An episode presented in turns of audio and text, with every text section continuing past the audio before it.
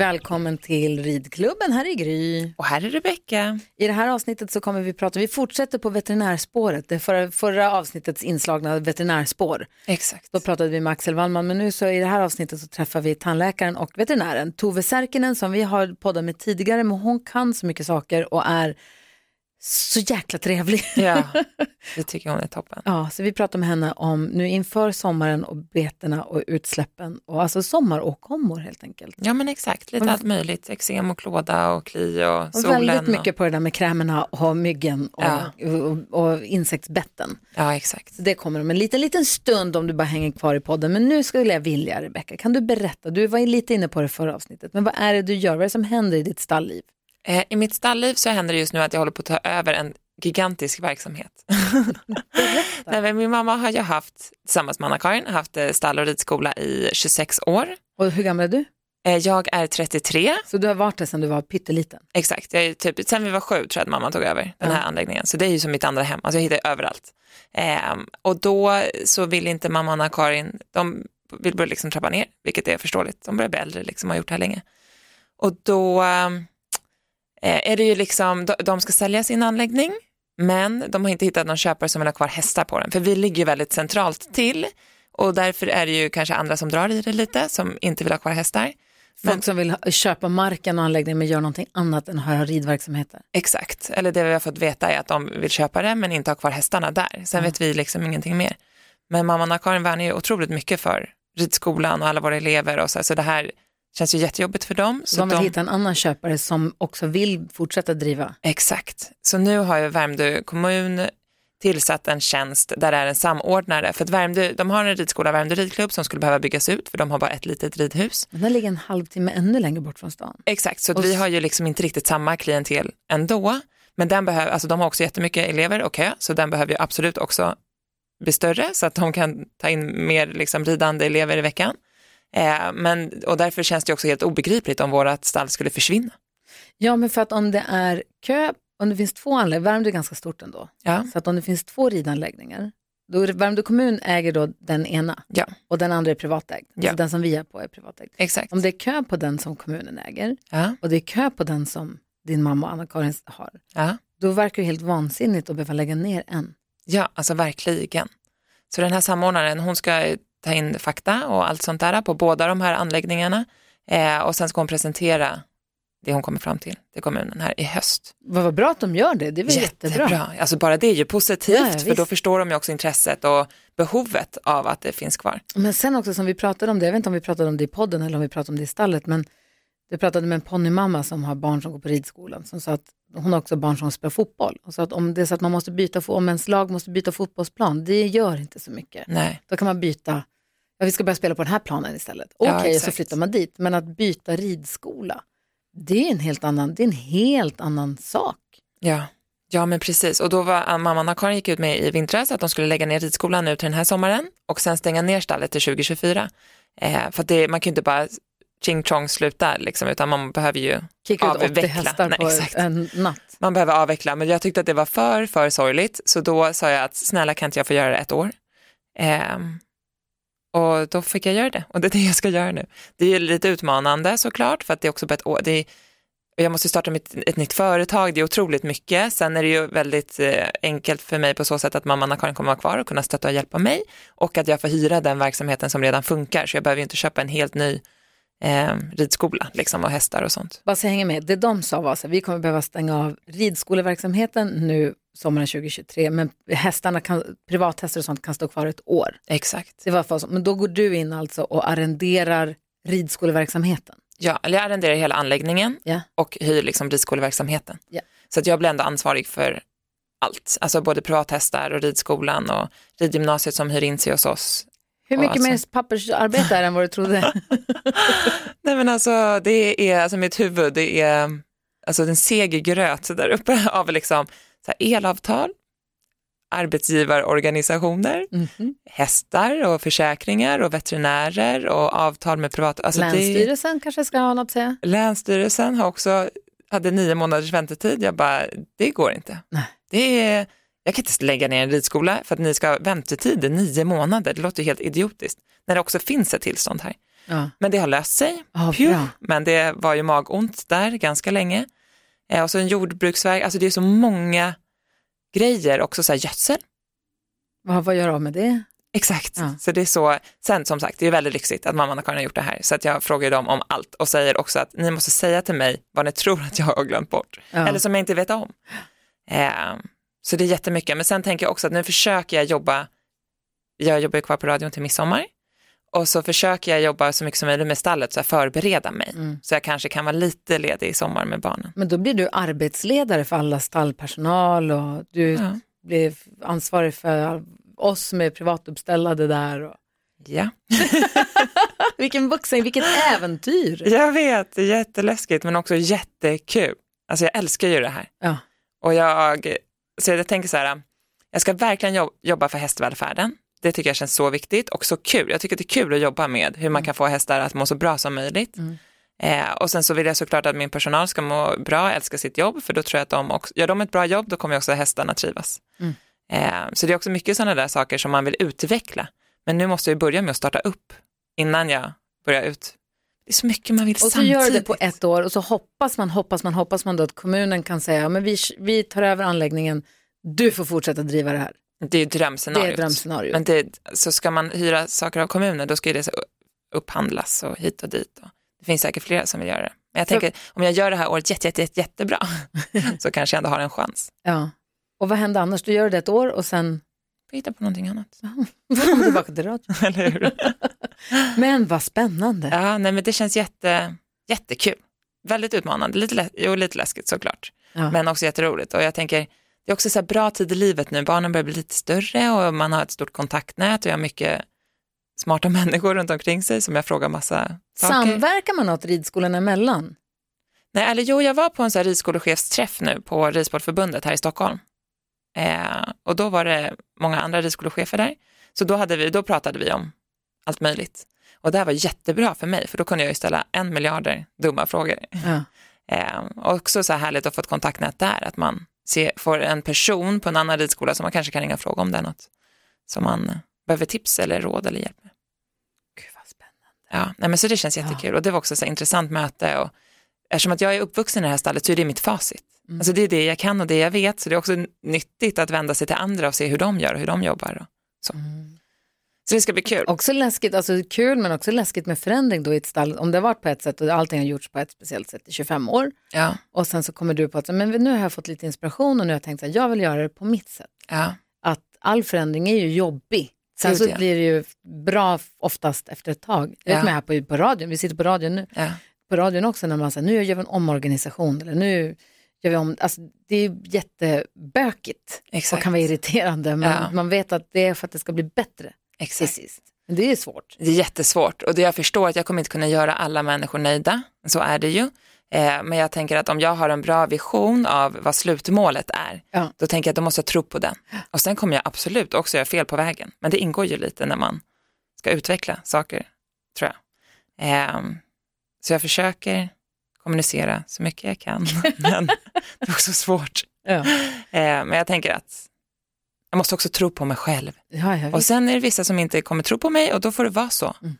Ehm, får det vara. Jag försöker bara tro på min vision och min idé och sen så försöka gå på det spåret. För annars ska man lyssna lite på alla hela tiden. Då börjar man vela och så tänker man, men tänk om ifall att jag gör så där och då, går, då har man ju tappat spåret. Mm. Liksom. Så jag tänker att jag hör mig för, bygger upp min vision och mitt mål och sen kör jag på det. Det där är värsta, jobbigaste tycker jag med hästarna överhuvudtaget, att det inte finns ett facit. Nej, jag vet. När man frågar någon, jag frågade din mamma ibland om råd i stallet, Milan hade fått en liten rispa på skenbenet, Ja, har gått mot någon taggbuske eller rullat sig mot, jag vet inte. nej. Och så, så här, titta på så, och det är alltid så här, kan, så här, kan du komma och titta, hur ska jag göra? Ja, man får ju bestämma vad man tror själv. Nej, jag vill inte bestämma, säg till mig. Ska det vara ett omslag på det här? Ska det vara öppet? Ska jag ridas? Eller jag ska inte men ska han ridas eller ska han inte? Du vet, vad, jag vill att det ska finnas en, en bok. Ja, en Ett uppslags... facit. Exakt, det hade varit så skönt. Ja. Det gör, alla hästar är så olika och så är människor olika och du vet. Jag vet.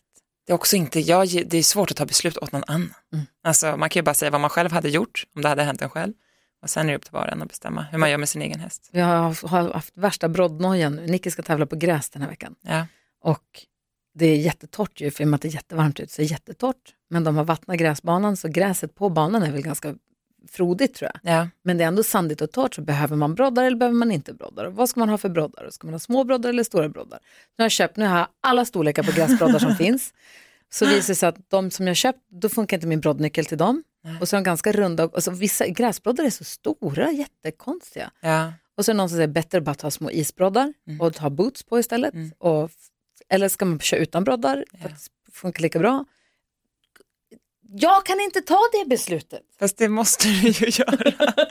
Jag vet. Det bästa är ju om man hinner träna på gräs innan så man vet lite hur hästen är på gräs. Ja, vi, var, eh, vi tog, åkte iväg till en, gräs, en terrängbana som Ja. är gräs.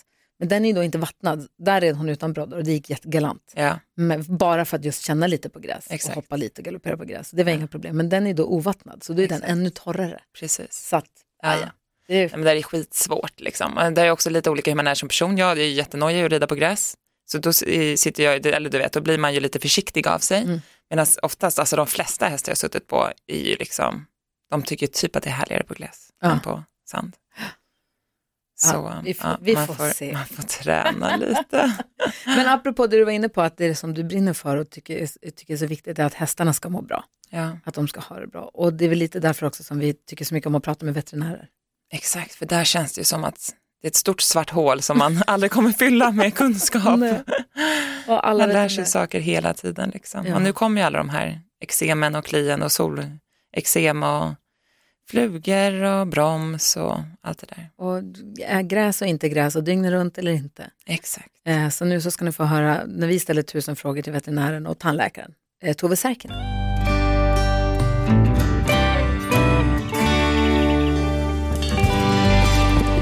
Sommaren närmar sig och man är rädd för olika åkommor och man vill förbereda sig. Vi sitter med veterinär och tandläkare Tove. Hej!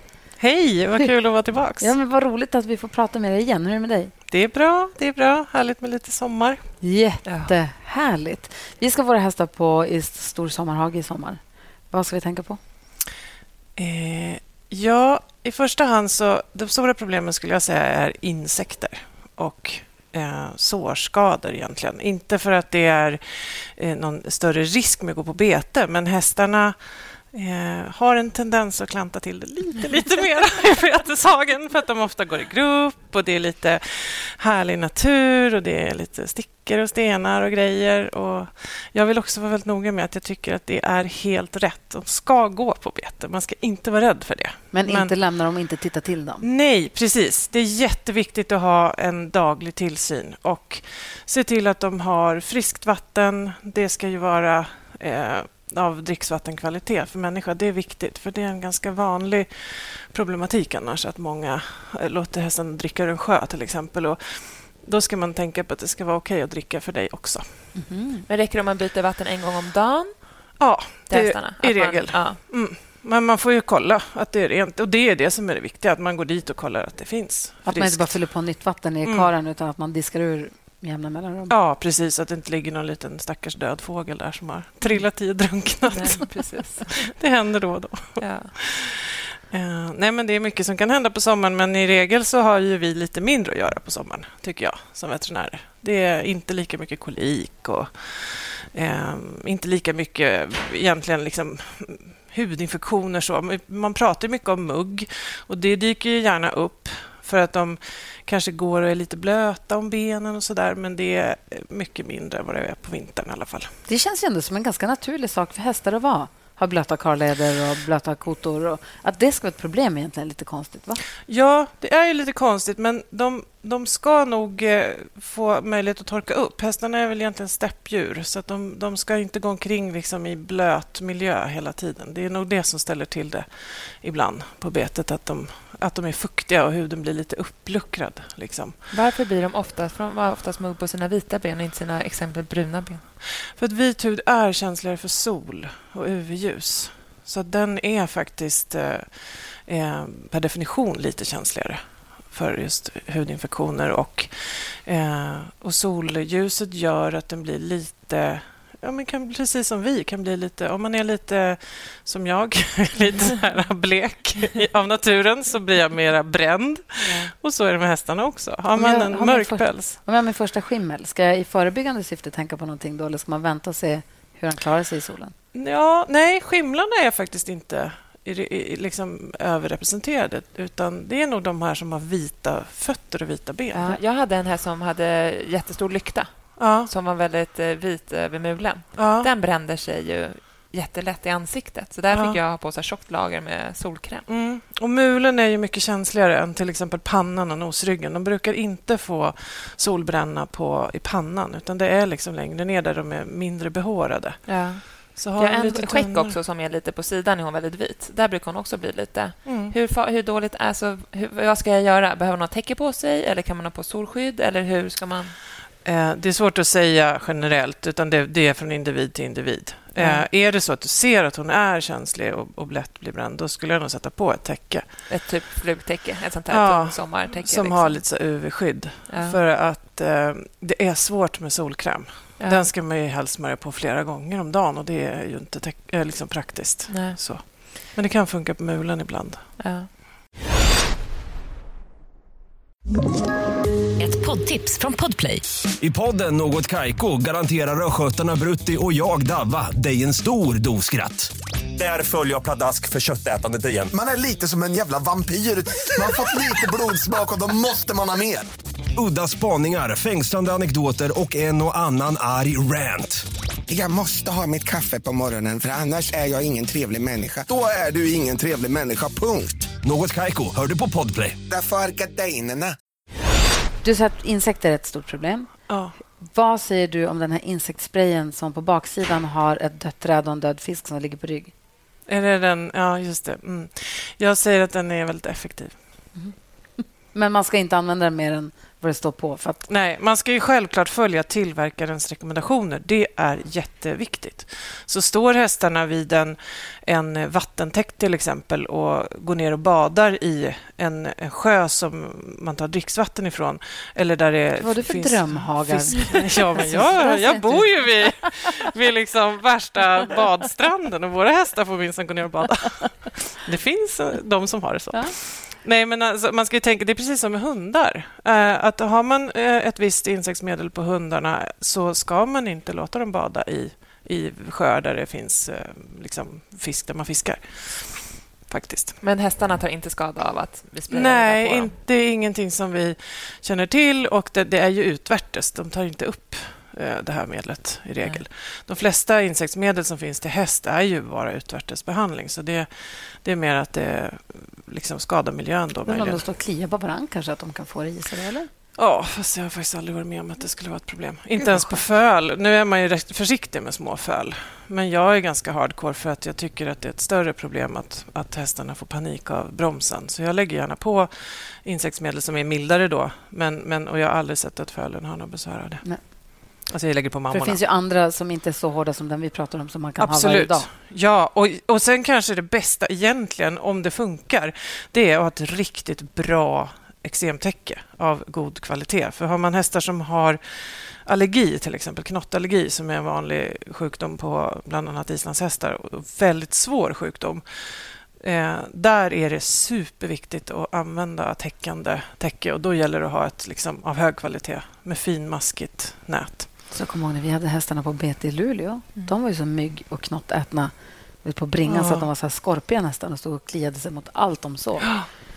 De hade ju jättemycket. Ja. Mm. Men hur gör, vi har en ponny på ridskolan. Hon får väldigt mycket eksem på sommaren. Jag kan inte säga av varför, om det är solen eller om det är insekter eller så eh, men det finns ju något schampo man kan Mm. Det finns, dem i, eller? Ja, absolut. Det finns eh, väldigt mycket olika bra schampon och lokalvårdande produkter nu.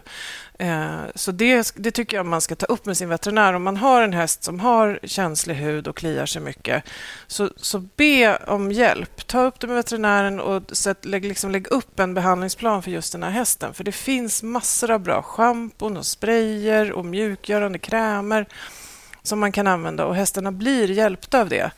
Men det är oftast inte bara en sak som hjälper dem, utan man får ha flera. Alltså Ja. Man får ha en hel plan. Man kanske har täcket på, man kanske tar in dem när det är som värst. Insekter på, på kvällen, i skymningen och gryningen. Eh, man smörjer in och olja i man, mankam och svansrot. Eh, och ibland till och med finns det receptbelagda preparat som man kan använda, kortison och så. Ja. Men det finns verkligen det finns hjälp för de här hästarna, men Ja. man, får, man får titta på från fall till fall. Ja, och prova sig fram kanske. Ja, också, prova sig olika, fram. Liksom. Det finns jättefina klådstillande schampon. Oftast är de faktiskt skapade för hundar, men vi använder det väldigt mycket på häst. För på hund är ju, har det liksom utvecklingen gått väldigt mycket framåt när det gäller vård av allergiska hundar och klådiga hundar.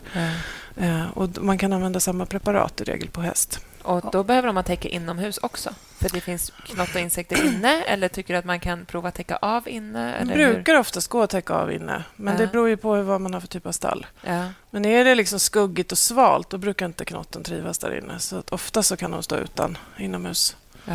Om man är nervös, om man ska släppa ut hästen i gräshagen, han har gått i vinterhagen då fram tills nu och är orolig för fång eller att de ska bli dåliga i magen, eller vad har du för rekommendationer där? Jo, men jag tycker man ska vänja in dem på gräs. Eh, lugnt och, och sakta. Man kan börja med att gå och beta dem för hand någon timme om dagen och sen om man har en mindre hage där man kan dela av så att de kan få äta liksom lite mera gräs för varje dag. Det är det allra bästa. Sen vet jag att det är många gör inte det och det funkar ofta bra ändå att släppa dem. Och de kanske inte mår så dåligt av att ha lite risig mage eh, ett par dagar. För det är trots allt naturligt att äta gräs. Men, men eh, som jag sa, det är inte särskilt vanligt med kolik. Eller det kanske jag inte ens sa, men nu säger jag det. På sommarbetet så är det inte särskilt eh, vanligt med kolik. För att de, de äter ju på ett optimalt sätt på, i beteshagen. Det är Så det är den nästan- övergången från hö och om Ja. för kraftfoder till gräs, att den kan vara lite jobbig för Ja. dem. Då, det får, kan de Fast kanske nästan värre sen de ska hem. Alltså ja, man när det gäller kolikrisken, precis. För, för det oftast är det då kanske att de har gått på bete och har varit härligt, så tar man hem dem och så är det liksom pang Ja. med ensilage. Eller Exakt. hösilage eller hö. på fasta tider. Och, Ja, Exakt. Ja, det kan vara svårare då. Men som fång, eh, för att minska risken för fång så är det just det här att beta in dem sakta men säkert. Mm. Ett par timmar. Liksom. Och det, jag, jag tycker nästan man kan överdriva. Har man en häst som har en ökad risk för fång, till exempel en överviktig, lite äldre ponny, eh, då ska man vara extra noga med att liksom bara beta först en timme och sen två timmar och sen tre timmar. Om man har en överviktig, lite äldre ponny som har, haft- har fång, för har de haft fång, har fång, de har ju alltid då fång, eller hur? De kan inte bli friska från det. Utan... Eh, jo, de, de, fången i sig blir de friska ifrån. Fång är egentligen bara benämningen av det som gör ont i hoven. Ja. Eh, men bakgrunden till varför de får fång är ofta EMS, ekvintmetabolt syndrom, som, som eh, eh, ofta visar sig som övervikt och de här klassiska fettnacke och vissa, viss, en viss eh, typ av utseende på häst egentligen och som har väldigt lätt att bli tjocka. Eh, och de har ju ett problem med sin insulinreglering. Eh, och har man en sån häst så, så har den alltid risk att få fång. Så den kanske aldrig kommer kunna be- gå på bete, Nej. tyvärr. Eh, varför får de ont i fötterna av att äta gräs? Det är ju en Det inre... är jättekonstigt. Ja, det, är- det, ja det, är, det är för oss alla ett mysterium, höll jag på att säga. Och en stor sorg. Jag tycker att det är otroligt sorgligt att många hästar inte får, får det privilegiet att gå på bete faktiskt. Eh, men bakgrunden till det, det är en ganska lång historia. Okej. Men det, det blir ju som en form av förgiftning som skadar de små blodkärlen i hoven och gör att de, vävnaden dör. Och går det riktigt, riktigt långt så, så kan ju hovkapseln lossna. Men det är ovanligt. Ja. Men kan man ha en sån på en liksom, vad ska säga, vinterhage som är lite kuperad och finns lite gräs i? Eller är det oftast big no-no, inget gräs överhuvudtaget? Nej, men det brukar kunna ha, gå att hitta något mellanting. Men, men som du säger, kanske en, en grusad hage eller en skogshage där det inte växer något bete av god kvalitet. Men det kan sticka upp lite gräs här och var? Ja, Liksom. det brukar kunna funka. Och Sen är det viktigt att om man håller hästen slank och motionerar den, det är precis som människor som har ja, typ 2-diabetes och Ja. insulin. Om man motionerar ordentligt och håller sig, eh, liksom har goda vanor, Ja. då kan de klara det ofta. Så det handlar ju ofta om det. Problemet är att de här hästarna kanske är svåra att motionera om de är, har lite ont i fötterna. Det blir som en ond cirkel. Ja, exakt. Och det här första gräset på sommaren då, som folk pratar om att det är så himla kraftigt så att det är minsann inte bra för hästarna att äta. Är det bara snickesnack eller finns det något i det? Alltså det är oftast det att hästarna inte är riktigt vana att äta gräs och så kommer de ut och föräter sig lite grann. Mm. Så att just gräskvaliteten är nog inte värre än annars. Men det är, att det är liksom en kombination av att det är väldigt...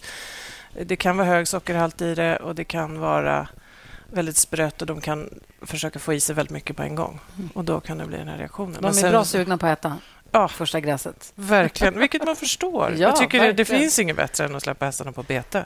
Nej. Jag kan sitta varje dag och njuta i hagen nu, eller jag gör det. Om man har hästar som är lite rinniga i ögonen nu då, under sommaren, varför blir det så och hur farligt är det? Borde jag sätta på något eller kan... Eh, I, det, i först, första hand så tycker jag man ska sätta på en flughuva Ja. och så hålla rent. Eh, tvätta och kolla så att det inte kommer någon liksom, gul eh, kladdigt var eller så. Det är jätteviktigt att kolla att hästen inte har ont. Mm. Och hur ser man då att hästen har ont? Jo, den kniper med ögonen och Ja, att kliar. kisar ja, och kisar och vill inte riktigt hitta och, på- och liksom skyggar undan kanske för ljus och så. Då ska man be en veterinär titta. Ja. Men om, Men om den det är... bara rinner lite vanlig ja, lite, ögonvätska, eller vad man ska säga. Mm. Då är det nog en irritation och det kan vara både ljus och vind och lite partiklar som, som lite pollen och sånt. Det kan vara helt ofarligt och behöver inte betyda någonting. Nej. Men den sån skulle du ändå sätta på en flughuva Ja, den? jag liksom. tycker det, för att det betyder ju att det är en liten irritation i ögat. Det är Ja. Därför det rinner. Så att en flughuva på och, och torka rent. Ja. Och de hästarna som vi har eksemtäcke på, det är in- ingen fara för dem att täcket blir blött och att det tor- alltså att, det, att de har ett täcke på sig jämt? Ofta så brukar de tecknen vara av den kvaliteten att det faktiskt funkar, att de torkar väldigt fort. Ja. Men jag brukar ändå säga ta in hästen en gång om dagen, ta av täcket och kolla. Liksom, det måste man ju ändå göra. Att Ja, det inte exakt. skaver någonstans eller att det har blivit lite fuktigt och varmt. För självklart kan ju de också få ja, men som liksom fukteksem om det blir för mycket. ja, men. Men de, de här fina, riktigt högkvalitativa täckena tycker jag funkar förvånansvärt bra. Ja. Även om de verkligen ser ut som små, jag vet inte. Teletubbies. Man tycker synd om de, de som behöver stå Jag med täcke. vet. Man vill att de Ja. ska få vara nakna. Och, Men göra det sin är ännu hästgrej. värre när de får eksem Oh, eller ja. knottutslag. Och, alltså den där ponnyn som fick jättemycket eksem förra sommaren, vi, det är först nu hon typ har blivit riktigt bra. Ja. Eh, så det tar så lång tid att få ordning Ja. på hårremmen när de Ja. väl har kliat av sig den och sånt. Ja, det är, en, det är faktiskt en rätt uh, otäck sjukdom, just den här knottallergin. Jag tycker att det, det är ett stort lidande för hästarna. Ja. Man ska ta det på allvar, verkligen. Fästingar och så då? Hur farligt är det med fästingar för hästar? Och finns det borrelia på häst? Och... Alltså borrelia är lite omtvistat, men det är ingenting som vi ser i Sverige orsaka sjukdom hos häst. Nej. Däremot så finns ju anaplasma som är förr kallades för Escherichia. Den kan orsaka sjukdom på häst och de kan få hög feber, de kan bli lite vingliga och sluta äta. Eh, oftast är det ganska snabbt övergående, men ibland måste man antibiotikabehandla dem. Så att jag tycker att eh, man ska kolla och plocka fästingar. Sen vet jag ju att det är inte så lätt Att kolla det varje dag. Men man ska försöka. Ja. Det är ganska ovanligt ändå att de blir sjuka. Ja. Och de, det är och varför ger man inte fästingmedel till hästarna som man ger till hundarna? Det finns inte riktigt samma, tyvärr. Varför inte det? Ja, Det är det är konstigt. väl lite annorlunda kroppar skulle jag säga. De är lite större. Jo, jo, men jag tänker Nej, men man att kan ju inte att man använda- ska samma, men Nej, att det inte finns hästfästingmedel. det kommer säkert. Det skulle jag gissa. Men det finns ju, alltså man kan ju använda vissa typer som man använder på hund. Det är bara att det blir så hiskeligt dyrt att hälla på 20 pipetter på en häst. Går, på en shetlandsponny funkar det. Ja. Jag måste ta TB-sprutan. Varför glömmer jag det här hela tiden? ja, det måste du verkligen göra. Det måste du Ja, det verkligen måste jag göra. verkligen göra. Där snackar vi en farlig sjukdom Ja. som dock inte drabbar häst. Nej, Men om min häst hästarna får kan ju feber på Ja. betet, kan jag låta den vara kvar på betet då eller borde jag ta hem den? Eller hur? Nej, jag tycker man ska ta hem... eh, det beror ju på vad man är såklart. Ibland kan man ju ta ut en veterinär till betet och, och, och veterinären kan ställa diagnos där. Och, och, men oftast behöver man ju eh, ta in hästen så att man kan se vartåt det bär och, Ja. och behandla det som eventuellt behöver behandlas. Så man ska ju alltid liksom ha det som en backup-plan. Att händer det något så måste hästen kunna ta sig in på stall. Stallas upp. Ett poddtips från Podplay. I fallen jag aldrig glömmer djupdyker Hasse Aro i arbetet bakom några av Sveriges mest uppseendeväckande brottsutredningar. Går vi in med hemlig telefonavlyssning och, och då upplever vi att vi får en total förändring av hans beteende. Vad är det som händer nu? Vem är det som läcker? Och så säger han att jag är kriminell, jag har varit kriminell i hela mitt liv men att mörda ett barn, där går min gräns. Nya säsongen av Fallen jag aldrig glömmer på Podplay. Sist jag var här och kollade tänderna på vår ponny, då pratade du inte... Vår ponnys tänder de var jättefina, men du pratade generellt om att det finns mask i tänderna Ja. på en del hästar. Det är typ det äckligaste jag har hört. Hur upptäcker man det själv som hästägare? Du ser det ju, det är ju styngflugan som lägger ägg på hästens, oftast på frambenen. Ja, precis. liksom. Och så slickar hästen i sig det och sen så får den i små, små larver som eh, bor i munslemhinnan mellan tänderna under en period och sen åker de vidare ner till magen och sen åker de vidare i systemet. De är ofarliga. Eh, det är inte så att vi, det är ett jättestort problem, men då och då ser man hästar som faktiskt har besvär av dem. Men det är en ganska kort period de bor i munnen, tack och lov. Så att jag tycker, var noga med att skrapa bort de här äggen. Om man Eh, ser gul, vad är det, gula pluppar på ofta frambenen, sa du det? Ja. ja. Och de kan sitta lite överallt, på halsen och på där de eh, slickar sig och kliar sig eller slickar och kliar varann. Så att ibland sitter de uppe vid manken där de står och kliar varann. Och då är det den där lilla kniven som finns i hästaffären som Ja, ska som är bort med, läskig. Men ja, precis. den får inte vara för vass. bara du får bort dem. Ja, det är väldigt lilla svårt. kniven Att... eller den här uh, ryktstenen? Eller vadå? Vad ska man Ja, använda ryktsten kan nog vara bra. Nej, men det är nog bra med en sån här liten kniv som är lite slö. Den får inte vara för vass bara. Nej. Jag Sen brukar vara så Är de inte så hardcore. många, då brukar jag skrapa Dra med nageln. Ja, naglarna, jag med. Eller klippa bort dem ibland till och med. Jag orkar inte stå där och skrapa. Jag tar en sax och bara klipp, Ja. klipp, klipp. Hästarna får lite fula. Det är så otrevligt. För Alltså. det där kan ju bli hovarna också, att det blir... Ja, du hade hört om någon som hade Maskar. hovarna full med mask. Ja, men det var Ja, någon det är när jag var inte inne på kliniken någon gång. Jaha. Nej, Tror jag fy. sist. Det var någon hovslagare som visade när jag var inne. Då var det en massa masker i strålen, typ. Oh, det måste ha varit fluglarver. Det är ju riktigt äckligt.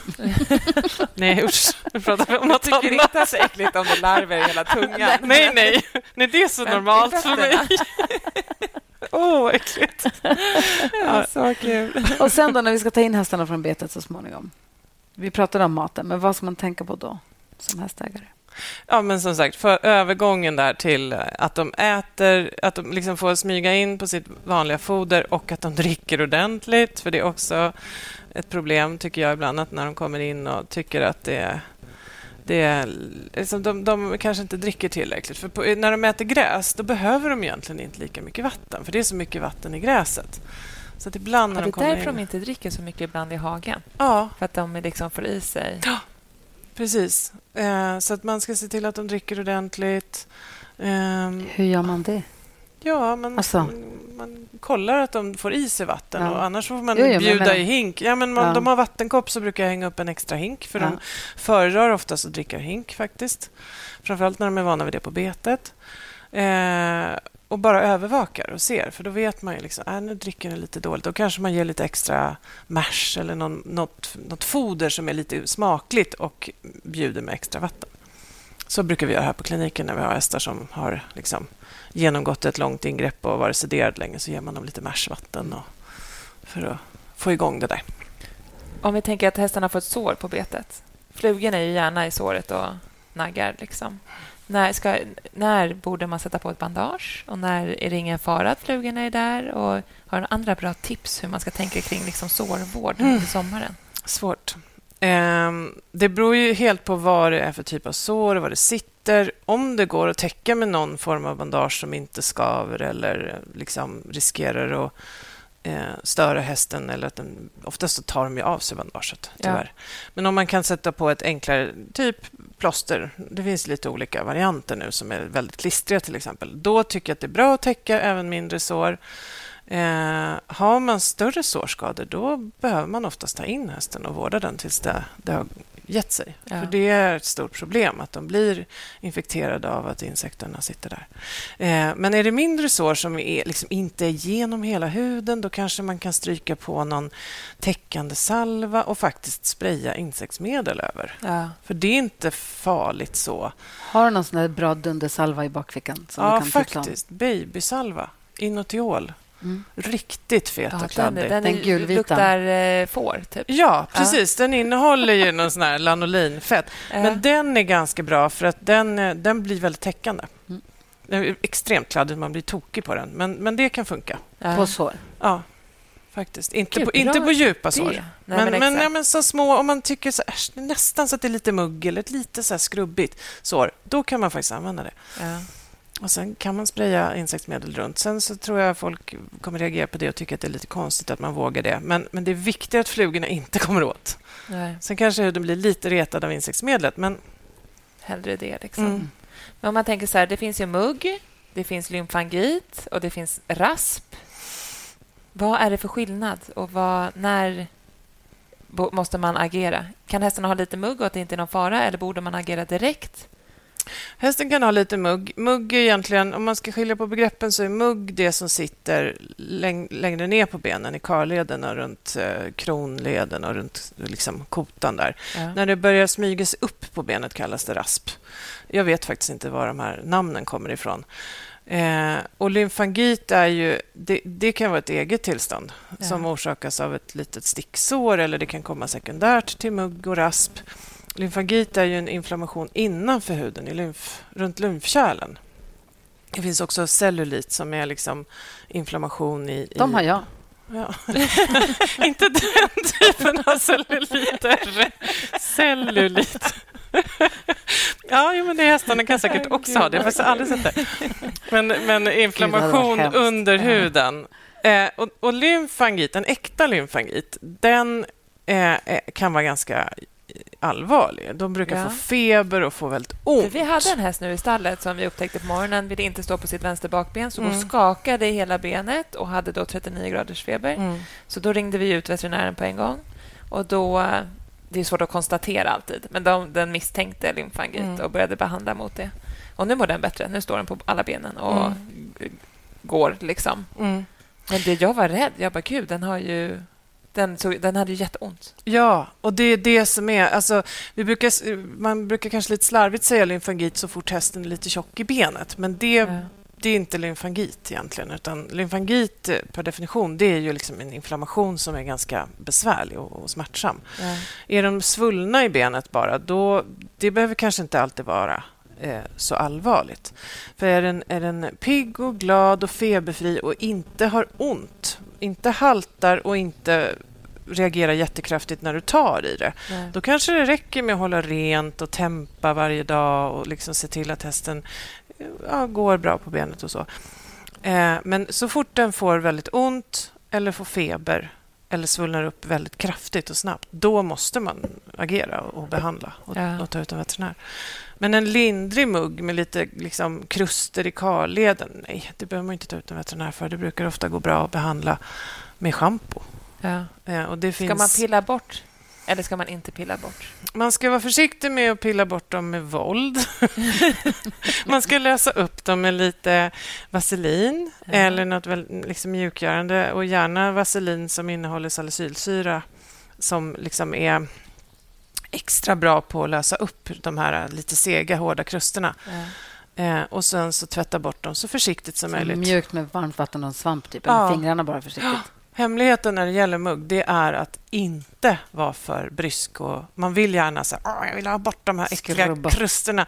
Och då stör man läkningen. Så att man ska, de behöver komma bort, men man måste vara försiktig och tålmodig. Ja. Smörja och tvätta. Och liksom vill vara... man tvätta med hibiskrubb? Eller är det inget bra? I regel är det bra, ja. ofta. Men det finns hästar som reagerar på klorhexidin som är det, den eh, aktiva substansen i eh, i hibiskrubb. Ja. Och då och just kanske framför allt när det är lite soligt så kan det vara så att eh, i, i, alla fall i min erfarenhet att det kan vara lite vast med hibiskrubb. Och då är det kanske bättre att använda en väldigt mild oparfymerad tvål. Ja. Laktacid? Ja, typ laktacid. Ja. Eller någon, något liksom... Ja, en, en, en riktigt, riktigt snäll tvål som inte har någon parfym i sig. Eh, för man vet aldrig vilken häst som ska reagera. I regel, alltså den vanliga behandlingen är ju hibiskrubb ja. eller motsvarande klorhexidin, tvål eller schampo. Mm. Men man ska komma ihåg att det är inte alla hästar som följer följer liksom normen. Vissa reagerar på det. Ja. Och sen när man har tvättat då och torkat benet, för det är viktigt att man torkar efter man har tvättat, ska man ha på någon kräm eller göra något? Eller? Det beror lite på. Där tycker jag nog att man ska diskutera med en veterinär om det är så att hästen har väldigt kraftiga förändringar. Ja. Men annars kan man prova ibland. Eh, typ medicinsk honung kan vara ett Ja. alternativ. Eh, det kan också funka med inositolsalvan Ja. som jag pratade om. Sen finns det en salva som heter Microcid som innehåller eh, ja, men nästan som variant på klorhexidin som kan vara snäll. Men där, där får man prova sig fram. Ibland räcker det med bara en mjukgörande eh, kräm för att Ja. hålla det mjukt och fint. Och Där brukar jag välja de här receptfria eh, men som är eh, de är avsedda för människor. Jag kanske inte ska säga några produktnamn, men typ Canoderm, Miniderm. Nej, det spelar ingen roll. Nej. Nej, men som är, som är såna här för, för liksom torra armbågar. Ja. De är ju väldigt milda Ja. och tycker att det brukar funka väldigt bra på, på de här hästarna för att hålla mjukt. Och behöver man, märker man liksom inom ett par dagar att det går åt fel håll, ja då kanske man måste ha receptfria eller receptbelagda Ja. krämer. En sån kanoderm och miniderm, det är för eksem och sånt på Ja, människor egentligen. Precis, som man Ja. använder ofta på små barn. Ja. Och Det funkar jättebra, tycker jag. Jag har det på hästarna, ibland på mulen också, de här som får lite skorv liksom av nu. Framförallt så här års. Jag tror inte att det riktigt är solbränna. Jag tror att det är lite liksom ovana vid att gå på bete. Skrubbar upp nosen. Gräset sticks. ja, men jag vet inte. Jag tror det. Jag smörjer mina hästar lite grann och de tycker det är jättemysigt. Och sen så, om någon vecka är det borta. Ja. Har du några andra bra eh, sommartips till hästen? Som du upplever är ofta vad vi kommer in till, eller ringer en veterinär, Som vi hade kunnat som vi hade kunnat förekomma kanske? Eh, nej, det är väl det här med, med liksom insekts... Att reagera snabbt. Om man ser att hästen är väldigt besvärad av insekterna så när det väl har börjat att bli en klådreaktion, till exempel i manen och svansen, då är det ganska svårt att bryta den. Så egentligen vill man, ja, men som hästar som är allergiska mot knott, då ska man börja täcka dem innan knotten dyker upp. Alltså typ februari nu Ja. i Sverige. Jo, för jag vet att islandshästar de är ju väldigt tidiga på Mm. att både tvätta och Mm. täcka sina hästar. Medan vi gör det ju kanske oftast då när vi märker att de mår dåligt eller Mm. kliar sig. Eller Mm. så. Men man har, jag har en kompis som har en häst som kliar sig i manen jättemycket. Mm. Alltså kliar och kliar, alltså som galen. Innan bet, in- gå inte på bet alls, Mm. utan bara ha kli. Vad, är det de här hundklischamporna då, eller? Mm, de kan funka på den. Det tycker jag man kan prova. Det finns ju som sagt rena klådstillande schampo som innehåller typ havremjöl och väldigt milda. Eh, men det kan också vara så att en sån häst, om den liksom inte om den inte ger sig, då kanske man ska prova hybiskrubb, för det är lite, har viss antiinflammatorisk effekt. Kan man göra. Eh, och hålla det mjukt, mjukgörande med såna krämer som jag pratade om, propylenglykol baserade, pro- propylenbaserade Och då masserar krämer. man in det i liksom Ja. mankammen. Typ. Ja, Ja. och olja kan man använda ibland. Ehm, och ibland är det, är det kortison. Det finns eh, kortison på spray Mhm. som man kan skriva ut som funkar väldigt bra tycker jag för de hästarna. För de ska inte behöva klia sig. Nej, jag ska hälsa henne det. Och Gör sätta på det. täcke på en sån då, det är inte... Man kan ju prova men, men som sagt det är inte säkert att det handlar om knott på den. Nej, Om den står Nej, inne. det känns inte som det. nej. Men det kan vara det. Det kan vara det lilla Mm. Som den får möta knott liksom i, i vanliga vinterhagen dagtid. Mm. Jag vet aldrig. nej. Nej, vi får hoppas på en ha- solig, lite blåsig, perfekt lagom blåsig. Regnig. Ja, Jo, jag, Jo, vet, jag det. vet. De, Lite har, de har för, varnat för en varm sommar. Det skrämmer mig. Ja, mig med. nätterna då. 2018 vill vi inte ha Nej. igen. Är Foder. lite svettig. Men, lite, eh, lite svett med lite bris och lite regn på nätterna. Då. Ja. Och skadefria hästar, får vi hoppas på. Ja, ja, mitt bästa tips är ändå låt hästarna få njuta av sommaren och vara ute på bete. Det, Och de tycker De att som det kan. gör inget om det regnar på dem. Och nej, De Du- fryser inte. nej. nej, de brukar trivas. Jag tycker, det, jag tycker att alla hästar ska få komma ut lite på gräs. Ja. Låt hästarna vara hästar. Ja. Ja, Mm. det är mysigt. Ja, Tack snälla för att vi fick träffa dig och prata med dig igen. Det var alltid lika här- inspirerande och härligt. Tack själva, jättekul att vara tillbaka. Ska vi gå och smörja hästarna? Ja. Alla krämerna som finns.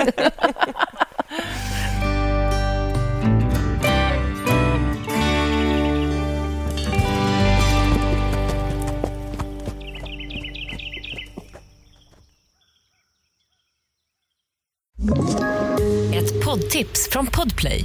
I fallen jag aldrig glömmer djupdyker Hasse Aro i arbetet bakom några av Sveriges mest uppseendeväckande brottsutredningar. Går vi in med hemlig telefonavlyssning och, och då upplever vi att vi får en total förändring av hans beteende. Vad är det som händer nu? Vem är det som läcker? Och så säger han att jag är kriminell, jag har varit kriminell i hela mitt liv men att mörda ett barn, där går min gräns. Nya säsongen av Fallen jag aldrig glömmer på Podplay.